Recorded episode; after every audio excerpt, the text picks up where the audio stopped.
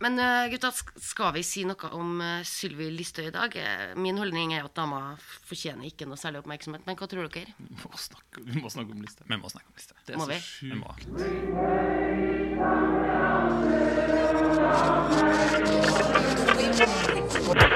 Frihet, frihet, likhet, likhet, podkast.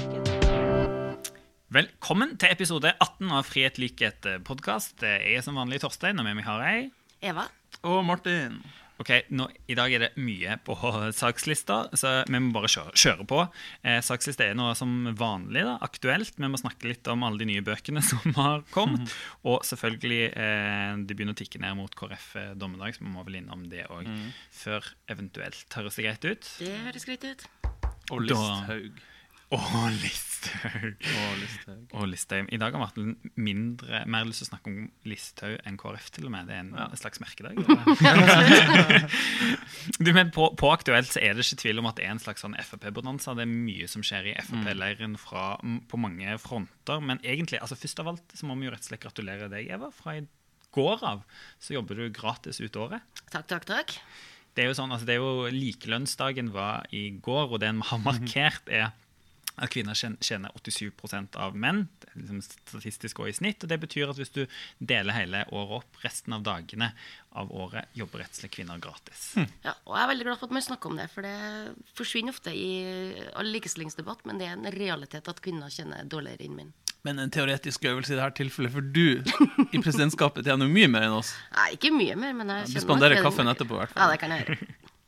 Ja. Og så, eh, Torstein, vi må jo gratulere AUF, som har hatt landsmøte. Et veldig bra landsmøte. Jeg var innom der på starten og på slutten. God stemning. Og AUF har fått ny leder. Ina Libak. Kjenner du henne, Torstein? Veldig bra. og Ja. veldig bra dame. Veldig bra dame. Er, Hun er faktisk både prinsipiell og tøff og smart, eh, så vi er litt nervøse, vi Arbeiderparti-folkene, rett og slett. Ja, hun var på sitt første gruppemøte i stortingsgruppa til Arbeiderpartiet og gjorde stor eh, suksess i mine øyne. Hun var tydelig og klar. Det blir bra. Det har jo skjedd sykt mye den eh, uka her, og en av de mer litt sånn morsomme småsakene er at eh, Per Sandberg er tilbake i, i Iran. Altså, Ja. Det må være en spesiell greie. Altså, når han først blitt liksom nesten sånn sendt ut av Norge og liksom skulle dra til Iran i eksil, og så ble de liksom møtt på flyplassen med at han ble satt i husarrest. Det er ikke en varm velkomst. Litt gøy. ja, det, Det er jo noe i det her antageligvis at de, sa, de sier at de har kontakta Iran, for de slapp ut ganske fort etter en liten kontakt med var det ambassaden eller president, Presidentkontoret, til og med. Ja, ja. Det ordna seg, da. Ja, det ordna seg. Ja, det ordnet seg for, seg for Per. En annen eksiliraner som har vært mye på reise i det siste, er Keshvari. Ja. Er dere stressa i presidentskapet nå? Jeg var på eh, reiseregningsgjennomgang fra stort og smått. Det er jo veldig stor oppmerksomhet rundt det. Én ting er den der konkrete saken, eh, men eh, jeg tror samtlige mediehus driver og jobber med reiseregninga til stortingsrepresentanter. Eh, og jeg vet ikke helt hva de forsøker å finne, om det er taxiregninger eller fiktive reiser eller Mitt inntrykk er jo at stortingsrepresentanter stort sett har veldig orden, og at man faktisk går underskudd for man leverer inn for få kvitteringer. Ja, det er faktisk Det er mitt inntrykk òg. Altså, for meg er reiseregning et stort tapsprosjekt. Hvordan er det med de reiseregningene for valgkampen sist, Martin? Er snart ferdig med det. Nei, men det er viktig at vi har ordentlige regler for det. For vi på Stortinget kan ikke ha liksom bedre ordninger enn andre folk, og vi må følge de reglene som vi har. Eh, og vi er jo mye på reise, sånn at jeg, jeg skjønner jo at blant folk at det kan oppfattes som at vi bruker mye penger på det. Men altså, det, jeg tror vi stortingsrepresentanter, i hvert fall mitt inntrykk, er at folk er så redd for å bli tatt på liksom, det minste ting der. Så Ja. Nå går det masse folk rundt på Stortinget og er kjempenervøse for om liksom, har de en tekstregning som har vært feil, eller skrevet feil beløp her og der. og sånn her. Jeg traff Mathilde Tybring-Gjedde i Ja. går. Hun hadde en sånn grundig gjennomgang for eneste taxiutlegg hun hadde hatt de, de, de siste siste året, og var superstressa fordi noen hadde bedt om innsyn i alle Høyre-representantene. sånn. Det er litt sånn ubehagelig, men Nei, eh, vi må jo tåle at folk går etter Ja, ja. regningene våre. Men det er veldig massivt trykk, trykk fra media. Jeg er ikke nervøs på egne vegne, da, men så, når, jeg, når jeg sa det nå, så kom jeg til å tenke på at det er jo litt sånn der famous last words. Plutselig har jeg gjort en ble, blemme og så skrevet jeg null for mye. Eller? Keshvari har jo fått et litt sånn kallenavn på Stortinget. Kashvari. og jeg, jeg tenkte litt på det. Det, det må jo, altså, nå, han skal jo sannsynligvis Kanskje altså, vil han jo se hvordan det går, da, men kanskje blir sittende på, som Frp-er her på huset. og jeg tenkte Det kunne jo være en sånn passende samfunnsstraff en kunne satt han der på Stortinget. var jo å fylle ut reiseregningene til Oss andre. oss andre. Jeg syns litt synd på ham. jeg bare innrømmer. Eh, du, det er et par andre nyheter òg som vi må eh, innom. Eh, og eh, jeg tenker, vi må vi, må også ta en nyhet som ikke er, er Frp. Og det er Har du leta fram en, faktisk? Ja, jeg- altså faktisk søka med lupe. Eh, og det er rett og slett saken om at mennesket er det neste hvalen. Den neste Hvalen. Akkurat. Hvalen. Altså den som er i havet. Ja. Og dette er rett og slett det det. østerrikske forskere som eh, nå har sett på og forska på plast i mennesker. Altså, sant? Alle, dere, alle har jo fått med seg ikke Ja. sant? antallet plastposer som er i eh. Altså, jeg skjønte ikke ute. hva det var du mente når du skrev 'mennesker i den nye hvalen'. Men nå skjønner jeg det. Plast. Og det er ganske, eh, altså Forskerne var overraska over at de altså de, de har rett og slett sjekka avføringsprøver fra mennesker i seks forskjellige land, og i samtlige prøver har de funnet plastrester. Og det er alltid fra sånn eh, plastavfall fra drikkeflasker, her sitter jeg med en plastikk-kaffekopp og eh, sånne type ting, som rett og slett også havner i menneskene.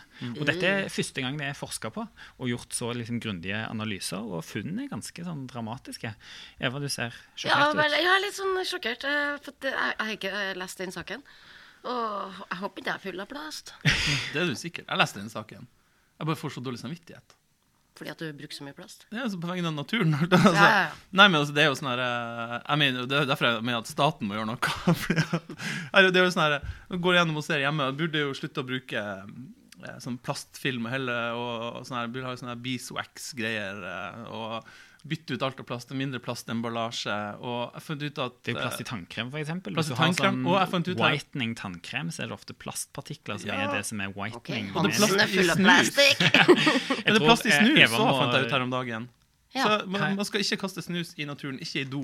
Uh, det er nesten, nesten sånn å resirkulere snusen. Og da får jeg kjempedårlig samvittighet. Har du drevet resirkulert snus? Nei, det er altså, plukke ut mikroplasten fra snusen og kaste den i. Nei, nei. Jeg vil opp til flere kollegaer. Du kanskje kunne fått den brukt en Men her, det her er ikke noe vi klarer å løse én og én. Bare hvis du går igjen hjemmet ditt. Herregud. Ja, Det er veldig mye plass. Ja. Det er spennende å se da om eh, vi får flere med på miljøkampen nå når det på en måte alvoret siger inn at det òg kan gå utover ikke bare hval, men mennesker. Før vi blir hvaler.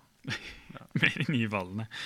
Eh, Du, eh, og Siv Jensen har nå sittet veldig stille med alle de andre sakene som eh, pågår. Men vi må ta noe Siv Jensen-nytt òg, for det virker som hun har sittet veldig stille på hytta si. Ja, hvilken hytte? Altså, hun, vi har jo snakket om det tidligere, at hun har fått leid til, viser det seg, en utrolig rimelig penge. Hytta av han Tobakks-Andresen. Eh, ei, hytte ute i eh, Oslofjorden. Og først så har Siv Jensen bare benekta at nei, dette var nå ei sånn gammel, nedslitt rønne som eh, var veldig sånn billig og måtte være billig å, å, å leie. Nå har de intervjua hun som leide den før, som sa hun var villig til å betale godt over 100 000 hun, hvis du fikk fortsette å leie den samme, samme hytta, men det fikk hun aldri spørsmål om. Først og fremst fordi kona til han Tobakks-Andresen hadde lyst til å ha Siv Jensen i nabolaget. Ja. Fordi hun syntes det var så hyggelig å ha noen som hun delte litt meninger med, som hun kunne snakke med litt sånn over hytteheiken. Å, det skal jeg jo kjøpe meg noen i nabohytta liksom, som deler mine med. Skal kjøpe meg en sånn sosialist og sette i hytte på fjellet. Kjøp en KrF-er. Nei, ikke det. Men Mitt spørsmål er hva tenker Åslaug Haga nå? Ja, det er Ja, gud. Ja, det, vet du, det har slått meg òg. Hun må Ja, stakkar. Hva tenker stabburet til Åslaug Haga? Åslaug Haga sitter i stabburet sitt og tenker ja, ja. du, også Helt til slutt på Aktuelt så må vi ta også en ikke-nyhet. For Vi har jo høyt og lavt i denne podden sagt og lova at det skal komme rødt hår-emojis. Og jeg har prøvd å følge med på Rødt hår News. Og nå lovte egentlig iPhone at det skulle komme i den nyeste oppdateringen, 12.1, Ja. som kom i Har går. Jeg har til og med lasta ned og sjekka og prøvd å oppdatere. Og Martin, what is the news? Skandale. Skandale. Skandale. Rett og slett. Det er ingen rød hår-emoji. Jeg vet, det sitter jo en Du har, skar gått, du har gått høyt på banen i Jeg har gått- media. jeg har gått høyt på banen. Ja, jeg har fått oppslag i i lokalmedia. Jeg har ikke, har vært ute og anklaga Jeg har ikke vært ute og anklaga dem for løftebruddet, men det skal jeg gjøre nå. Det var tips. Det er jo, det er jo, det er jo ikke så mye andre nyheter her i Ikke betale betaler de skatt, og ikke Nei. leverer de på løftene sine. Ja, vi må ta en liten uh, rødt hår-rant kanskje neste gang. Skal vi finne Det sitter jo folk der ute og venter på uh, rødt hår. På, jeg, jeg fikk jo spørsmål når vi snakka om det i poden, bare om jeg kunne sende rødt hår-emojien. Da måtte jeg skuffe dem. At det, nei, det er ikke kommet. Og det er enda ikke Ja. Er jo glad jeg har et statsbudsjett? du Du sender bare bilder av deg sjøl. Ja, ja, sånne små, runde bilder. Nei, jeg er glad jeg har statsbudsjett og henger fingrene i. Du, men vi må snakke litt om eh, alle disse nye bøkene som har kommet eh, denne Ja. uka. The Books on Everyone's Lips. Jeg snakker selvfølgelig om Ari Behns siste bok. Inferno? Nei? Nei. Ingen som har? Nei? Jeg bare leste overskrifta at den ble sånn ganske slakta. Eller Märtha Louise sin Ganske slakta, Ja, altså Martha Louise Du også kom leste dere med Dagbladet-anmeldelsen av den boka? sensitive barn. Åh. Ja, altså, men eh, Det som kan sies, er jo at Martha Louise tydeligvis også har skrevet en bok til sin lille menighet, da, som er veldig opptatt av dette med sensitive barn. Og altså, det som er den store boka som alle snakker om denne uka, er jo òg Listhaugs bok. Som ikke er høysensitiv. Eller kanskje hun er det. Kanskje det er akkurat det hun er. Kanskje hun er det. Eh, den heter i hvert fall Der andre tider. Spennende valg av tittel. For de av lytterne som kan tysk. Ekstra spennende valg av tittel. Noen av dere som hadde tysk. Nei, jeg kan ikke tier Martin den kløper. kløpper. Tier- Tiergarten. Dyrehage. Tier, dyr. Altså, jeg håper ikke han blir gitt ut i, på tysk eller i Tyskland med samme tittel. Det Den- andre dyret. Men ja, men, vi må jo gå inn i selve boka òg. Gud. Altså, jeg må bare innrømme Altså, man skal altså, siden snakke er rolig om andre. radioprogram, holdt jeg på å si, siden dette bare er lyd altså, Dere burde sett Martin, og han har tatt med seg syv sider med notater. Utskrift av boka. Notater. Han er klar.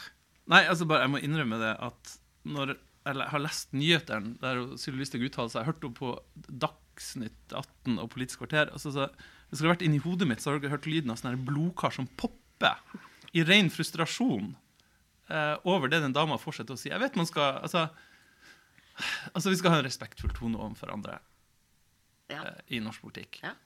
Men altså Hva har du å si til det nå? men altså, faen heller, altså. Hva fortsetter å si? Jeg blir, jeg blir kjempefrustrert. Jeg må innrømme det. Jeg biter på agnet. Men Hadde ikke du bestemt deg for å ikke la deg hisse opp av den boka? Det gikk ikke. Men altså, det er jo ikke bare du, Martin. Altså, det er jo, hun har, prøver jo å hisse på seg alle. Ja.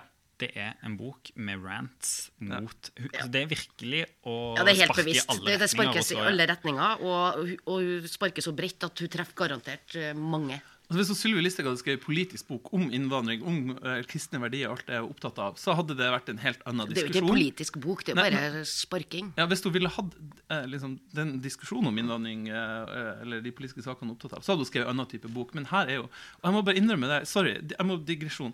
Der, når NRK og media sånn, har sånne oppslag om at Sylvi Listhaug tar et oppgjør med den og den Støren sånn Nei! Hun tar ikke et oppgjør med det. de burde skrive i media, det er jo så, ikke at Sylvi Listhaug tar oppgjør, de burde skrive at hun påstår at, eller hun beskylder den og den for, eller stempler den og den. Det er jo det som er tonen. At Ja. hun beskylder folk for det meste. Ja. Men altså, la oss se på hvem er det hun går til angrep mot? Altså Støre. Hvem er det Ja. hun ikke går til angrep mot? Det, ja. Altså, hvem hun ikke liker. det Støre. Det Ja, Jonas liker jo ikke. Nei. Arbeiderpartiet, venstresida, feminister. Ja, Bondeorganisasjonene, ikke sant? Alle biskopene. alle bis- feminister, Ja, egentlig tar jeg med kirka. ja, kirka Til og med eh, Hareide og Ropstad. og Ropstad. eh, Kommentatorer, Hannes Gartveit. Abid Raja nevnte vi han. Ja, og ja, de fleste kollegaene. For jeg er jo sånn som snakker pent om mine kollegaer, men når hun gjør det, så får jeg vil av. Ja. Ja. Men så, Det er greit å være irritert på andre, du kan kommentere, men det bare som jeg blir så irritert på. Jeg må innrømme det, jeg hadde ikke tenkt å bite på agnet, men jeg har det. Jeg har svelget hele agnet nesten. og det jeg blir om- irritert på, det er jo den dobbeltmoralen. At det gjelder skal gjelde andre regler for hun enn for andre. For hun stiller opp på Politisk kvarter på Dagsnytt 18 i media og sier at hun føler seg eh, urettferdig anklaga, urettferdig behandla. Og ja, det er mange som har en veldig hard tone mot Sylvi Listhaug. Vi har snakka om det før her, at vi på venstresida bør ikke gå til de krasseste angrepene. Det er ikke en konkurranse om å stemple List- Listhaug hardest, vi må snakke om politikken. Men når hun da går så langt i å stemple andre, Ja, mener så tar jeg offerrollen når noen plutselig svarer på eh, tiltale. det er en form for politisk debatt som ikke er konstruktiv. Og jeg tror ikke hun satt og gråt i noen taxi. Eh, det det, det, det har ikke skjedd. Det vet vi ikke, men ja. Nei, det tror jeg ikke noe på. men jeg, og jeg må faktisk lese, for det har jo vært veldig mye sånn bokanmeldelser av denne. Men jeg må lese et lite sitat fra eh, bokanmeldelsen i ja, tilfeldigvis Stavanger Aftenblad. Men det var også en veldig sånn treffende beskrivelse av akkurat det du nå eh, sier, Martin. For her står det da sitat. Til slutt ble alt dette et eneste stort karakterdrap på Listhaug sjøl. I sin egen bok framstår hun som helt uten evne og vilje til å sette seg inn i meningsmotstanderne sine måter å tenke og handle på, og helt uten evne og vilje til å tillegge andre mennesker gode intensjoner hvis de er uenige med henne. Ja, men Det var veldig treffsikkert sagt. For det er jo det som er greia. Jeg er uenig med mange eh, i andre partier. Men jeg forstår jo hva de sier, og jeg kan Mm. også forstå hvorfor de mener det de mener. Eh, men hun har ingen forståelse for at andre i det hele tatt har en annen mening enn hun. Eh, for da er vi en gjeng med idioter og som er kyniske og har en plan om å til slutt la alt gå utover Sylvi Listhaug. Og så tillegger jo andre veldig mange meninger som man ikke har. Altså eksempel når hun sier Jeg tror det var til NRK, jeg måtte skrive inn et sitat at Og så sa man Jonas Gahr Støre Hun sier hun vil ikke at han skal bli statsminister. Surprise, surprise. Surprise, surprise. Men så sier hun da hun sier at jeg mener at vi ikke kan ha statsledere som viser ettergivning, er på nynorsk, eller bukker under for krav fra islamister som ønsker å ødelegge vår vestlige sivilisasjon. Ja, for det Altså- mener Jonas Gahr Støre. Ja, sånn, underliggende. Jonas Gahr Støre ønsker å ødelegge vår vestlige sivilisasjon. Altså, Vi skrev ikke det rett ut i programmet, men det er jo det vi jobber for dag for dag, for dag her. Ja, ikke sant? Ja, det, er- det er det vi egentlig mener. Ja, eller at kirka har feil type kristendom. Den, hun liker ikke den type kristendommen som KrF og kirka det jo har. Det er det liksom Uh... Ja, du, Hva slags kristendom tror du hun forfekter, egentlig? Det, det er jo litt mer den uh, amerikanske versjonen, for å si det sånn. Ja. De evangelisk kristne i USA. Som er, Ja. Men det er jo noe med om- hvem som på en måte er målgruppen til, til Listhaug i dette. Altså En ting er jo på en måte det vi har vært litt inne på nå. da Hun er veldig flink, målretta i å pirke borti. Vet akkurat hva knapper hun skal trykke på for å klare liksom å fyre også med meningsmotstanderne sine opp. Men jeg tror jo også dette er jo en bok skrevet til, sine, liksom, Til sin Mm, menighet. Og jeg syns Astrid Mæland i VG beskrev det veldig godt. Altså, Mm. Her leser en en bok fra ei relativt ung dame, men hvis du leser det og ikke vet hvem hun er, så høres det ut som hun er 90 år. Og det er jo skrevet til denne liksom egentlig ja, litt utdøende delen av Fremskrittspartiet, da, men en veldig konservativ, gammel del Mm. av landet, Ja. som er menigheten. det er for så vidt det. Altså, jeg vet at man ikke burde la seg irritere av det, og hun er veldig bevisst i det, men altså, det er et eller annet med hele tonen. Altså, at hun, I Sylvi Listhaug sitt politiske univers er hun sola som alle andre dreier seg rundt. Eksempel når hun mener at nei, når han Jonas Gahr Støre da i jula i fjor sa at Arbeiderpartiet burde snakke mer om 22. juli og de holdningene som lå bak eh, terrorhandlingen 22. juli, så, så sier hun jo rett ut til NRK og skriver i boka at nei, men det handler om at da hadde Arbeiderpartiet klekka ut en plan for å ta henne. Ja. Og jeg syns faktisk at hun Ina Libak lager plan. jeg syns at, synes at hun, Ina Libak som er ny leder F sa det er veldig bra på Politisk kvarter hun svarte på det. så at altså, det her er jo helt feil. Altså, 22. juli er jo mye større enn én eh, enkeltpolitiker. Det handler om noe annet. Det er jo ingen sånn, Vi visste jo ikke at Sylvi Listhaug skulle gå clean bananas og anklage Arbeiderpartiet for å støtte terrorister framfor nasjonens sikkerhet i mars. Eh, men vi vil jo ha opp den debatten om grunnleggende holdninger. Det er noe annet. Ja, bare for å gjenta det som Eva sa. Altså, jeg tror ingen tror at Arbeiderpartiet hadde en plan i vår. altså, vi sa ingen plan. Da prøvde du å si at vi hadde nok med vårt. Nei, altså sier jo det der med at hun hadde jobba i First House, så liksom hun, hun kjenner Arbeiderpartiet, hun så vet hvordan vi jobber, hvordan vi legger sånn slu planer, og hvordan vi skulle bruke eh, 22. juli for å ta sånne som hun, og ja, det er jo fiksjon. eh, Det, er det. er jo helt galskap. Men det viser jo på en måte også, eller det understreker noe enormt da, hvor mye eh, hun misforstår eller tolker virkelig verste mening. Altså, jeg syns Jonas var veldig bra på Politisk kvarter i dag. Da. Han liksom presiserte det. det, altså, det han sa, det som hele bakteppet er at nå er det gått såpass lenge etter 22. juli at vi må òg tørre å komme oss til der og snakke om politikken rundt det. Ja. Meningene som ligger der ute, og ta politiske debatter om det. Og vi tar jo gjerne de debattene òg med Listhaug, men hun vil jo bare snakke prosess og tolke. Og Sylvi Listhaug er nestleder i et regjeringsparti i Norge. Mange snakker om at hun blir den neste lederen i Det tror jeg det er veldig stor Fremskrittspartiet. sjanse for, deg, faktisk. Ja, og Derfor er det veldig viktig det hun, det hun sier. Altså, vi skal ikke la oss irritere, men det, eh, men det betyr også at Sylvi Listhaug er en av de politikerne i Norge som på best måte, dersom hun vil det, kan ta eh, og redusere skal vi si, de holdningene som fører til terrorfrykt hos veldig mange. For jeg tror ikke Sylvi Listhaug mener det samme som han Anders Behring Breivik. Det er hans feil alene. Jeg, eh, jeg tror ikke hun har eh, et ønske om å polarisere eh, Norge fullt og helt, selv om hun opptrer sånn, fordi hun, ønsker å få fram et skille som, i norsk politikk som jeg mener er eh, skal vi si, ukonstruktivt. Men hun er en politiker som dersom hun hadde valgt en eh, annen rolle, fremdeles kunne snakka høylytt om innvandring. Vi kunne krangla om det. Eh, men hun tar ikke den konstruktive rollen hun eh, kunne ha tatt. Og det er veldig få forsøk i boka hennes, i uttalelsene, i alt det hun sier, på eh, eh, hva skal vi si, å dempe den fremmedfryktende ekstremismen som vi ser. Hun velger å ta rollen som offer. Ja. Ja, og jeg må innrømme at jeg syns det er ganske sånn sårt da, når hun sitter på Politisk kvarter i dag og bevisst også kaller Anders Behring Breivik en massemorder fremfor en terrorist. Som man på en måte er. Og liksom de retoriske grepene hun sjøl ønsker å ta i, i den debatten. Og eh, Derfor syns jeg det var så viktig at Jonas minna hun på at grunnen til at den mistillitsdiskusjonen kom opp, var jo også at hun var Norges justisminister. Hele Norges justisminister. Ja. Hvor viktig det er liksom sånn, i det der norske Når du er medlem av demokratiet. regjeringa, så må du være litt større enn deg sjøl, altså. Og det må være sånn at alle skal kunne føle seg trygge. Du er det øverste sjef for politiet, rett og slett, og øverste sjef for alt det der med sikkerhet. Og det at en da ikke, altså, eh, driver retorikk og driver debatt på den måten som splitter så mye, det kan en ikke gjøre når det en skal ha ansvar for, er hele Norges sikkerhet. Så tror jeg faktisk at det der eh, mistilliten ikke hadde kommet hvis hun hadde kommet med en ektefølt beklagelse når vi hadde den runde i Stortinget. Eh, men hun, hun klarte jo ikke det, og hun innrømmer vel egentlig i boka òg at eh, ja, hun var lei seg hvis noen ble lei seg, men hun beklager ikke at hun gjorde det. Det er litt sånn der, ja, det er litt sånn der, Unnskyld at du følte deg tråkka på, men Ja. det var egentlig Arbeiderpartiets skyld Ja. som satte i gang en kynisk Ja, det er deres feil at du er lei deg nå. Ja, for Hun sier jo det at, altså det, jo det, at uh, det var ingen som kobla innlegget hennes til 22. juli før Arbeiderpartiet satte i gang en sånn kynisk aksjon og, for, uh, eh, og begynte med spinnet sitt.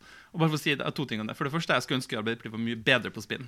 Så, eh, hun, så der treffer hun veldig dårlig. Og det andre er at jeg så jo noen av de Utøya-overlevende som skrev på Twitter at det hun egentlig gjør, det er jo å dehumanisere veldig de her som faktisk overlevde Utøya, som hadde en, og det vet jo vi som kjenner Ja. mange av dem, hadde Ja. en veldig ektefølt reaksjon. Ja. De reagerte ikke fordi de fikk Folk var et sentralt skriv fra lei Mm. Ja, nettopp. Og vi, sa, vi har snakka om det før. Det var en ganske rå og naken frykt da, rundt i dagene der for hva det her kunne uh, føre til. Og jeg syns Jan Tore Sanner Jeg satt i salen og hørte han Jan Tore Sanner komme med det som jeg opplevde som en veldig ekte unnskyldning. Det var oppriktig. Og jeg satt i salen og hørte Sylvi Lysthaug de tre eller fire gangene hun gikk på talerstolen, og jeg fikk ikke den samme følelsen. Når jeg satt og leda møtet. Ikke sant? Og Nei, og det, og det, ikke vise at jeg var litt sur. og jeg tenker Det bør jo også presiseres det som faktisk var politikken bak den saken òg. At Ja. her var vi jo i Stortinget veldig enige om på en måte det, det som PST hadde anbefalt. Spørsmålet var om en skulle ha en domstol eller ikke. Og det var det et solid flertall i Stortinget som mente at Ja. her måtte domstolene være med fordi vi er tross alt en rettsstat. Og når Jonas prøvde å si det og ta opp den diskusjonen som etterlyste, så vridde hun Sylvi Stagen historien til å handle om hva hun var blitt utsatt for. Og han Jonas faktisk prøvde å si det på Politisk kvarter. Men det sa. Nei, og det er jo ikke tvil om at det er altså, eh, Det blåser opp Vi har snakket om det før i podden med, sånn, med, med hatretorikk. Eh, Det skal jo ikke lenger enn over- mobiliserer jo nettrollene når eh, man drar opp sånne diskusjoner. Så mobiliserer jo nettrollene, og hun uttrykker mye det samme som nettrollene gjør. Og hun er en ledende politiker, og det bekymrer meg. Nå skal ikke vi ha noe sånn her, um, ukas medbrakt i dag, eller sende blomsterkvaster, men jeg sender en liten, eh, sender en liten blomst til alle de folkene i Fremskrittspartiet og Høyre som ikke mener det her, som mener at det går an å ha en annen type debatt om innvandring, kulturforskjeller og sånn i Norge, og vi kjenner veldig mange av dem. Veldig bra folk. Ja. Vi må jo eh, også snakke litt om KrF. Klokken, klokken tikker her, og det nærmer seg slottsmiddag. Eva, Men eh, vi må snakke litt om KrF. Det er jo altså, det er litt sånn eh, adventstid på Stortinget mot 2. november. Man driver og teller ned nå. Åtte dager igjen! Står to lys. Og, ja. og eh, Martin, du rett før podden her, så kommer jo du rett ifra Arbeiderpartiets hemmelige Situation Room. Teller delegater og sånn. Hva er status? Eh, Det første vi gjorde, var å legge en slags kynisk strategi for Ja, å Nei, ja. Nei, jeg vet Nei, ikke. Jeg bare ser la oss bare avkrefte det veldig tydelig. Ja. sånn. Men Vi har ingen plan for noe som helst.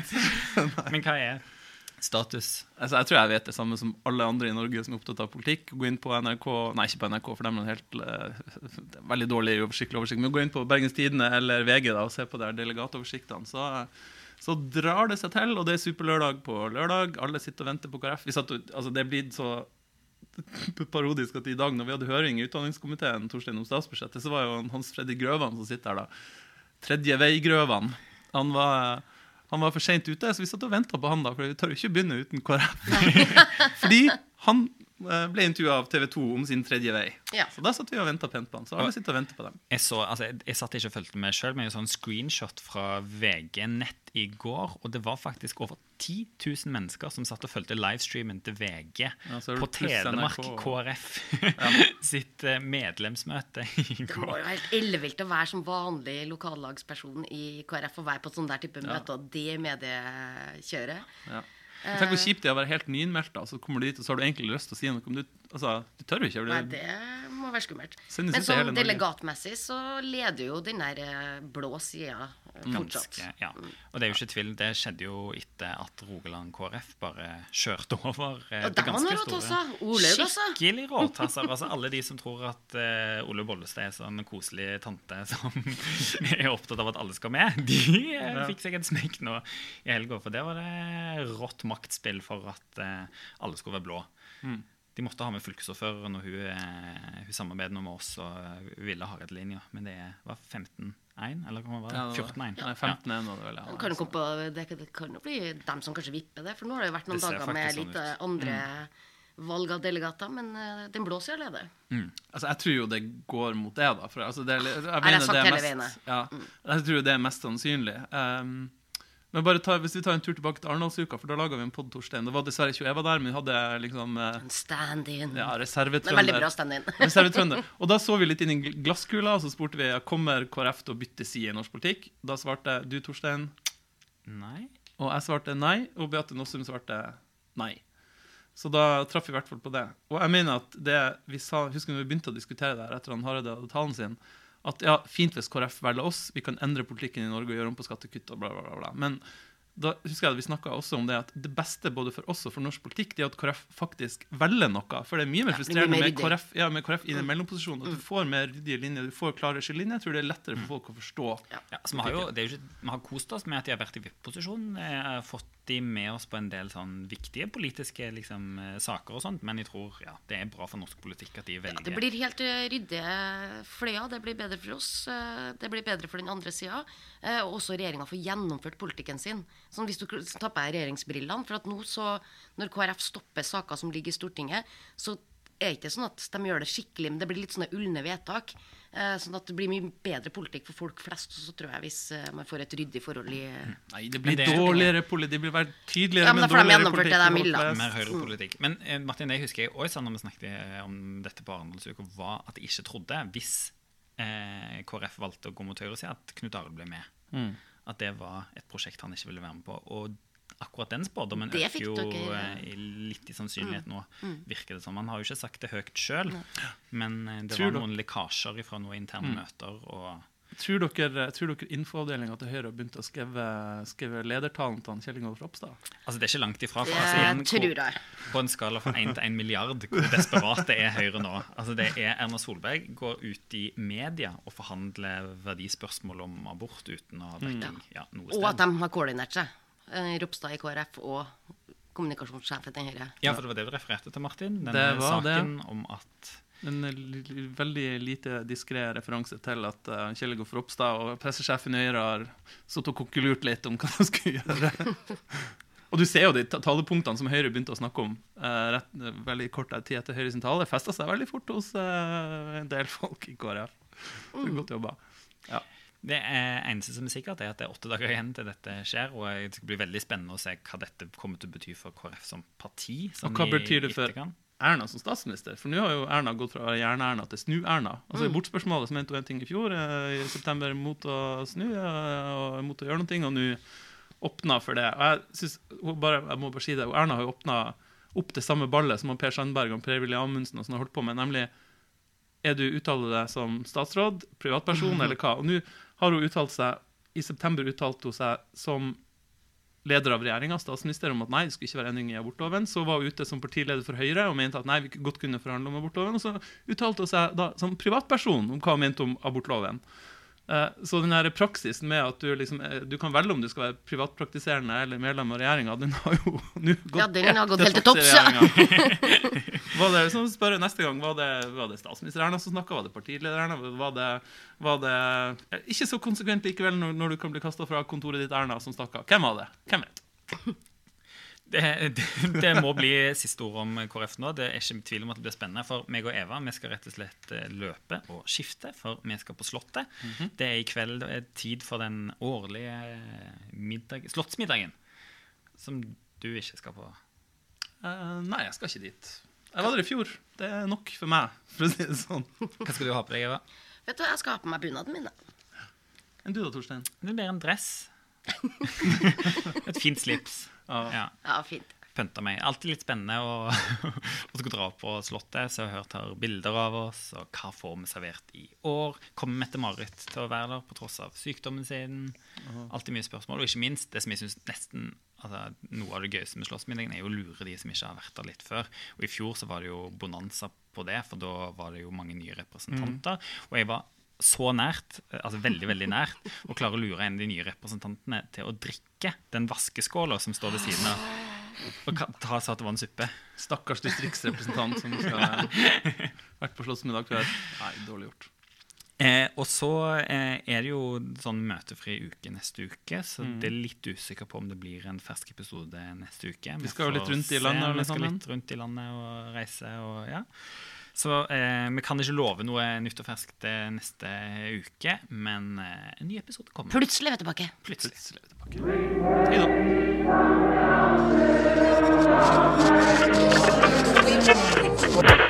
Frihet, frihet, likhet, likhet, podkast.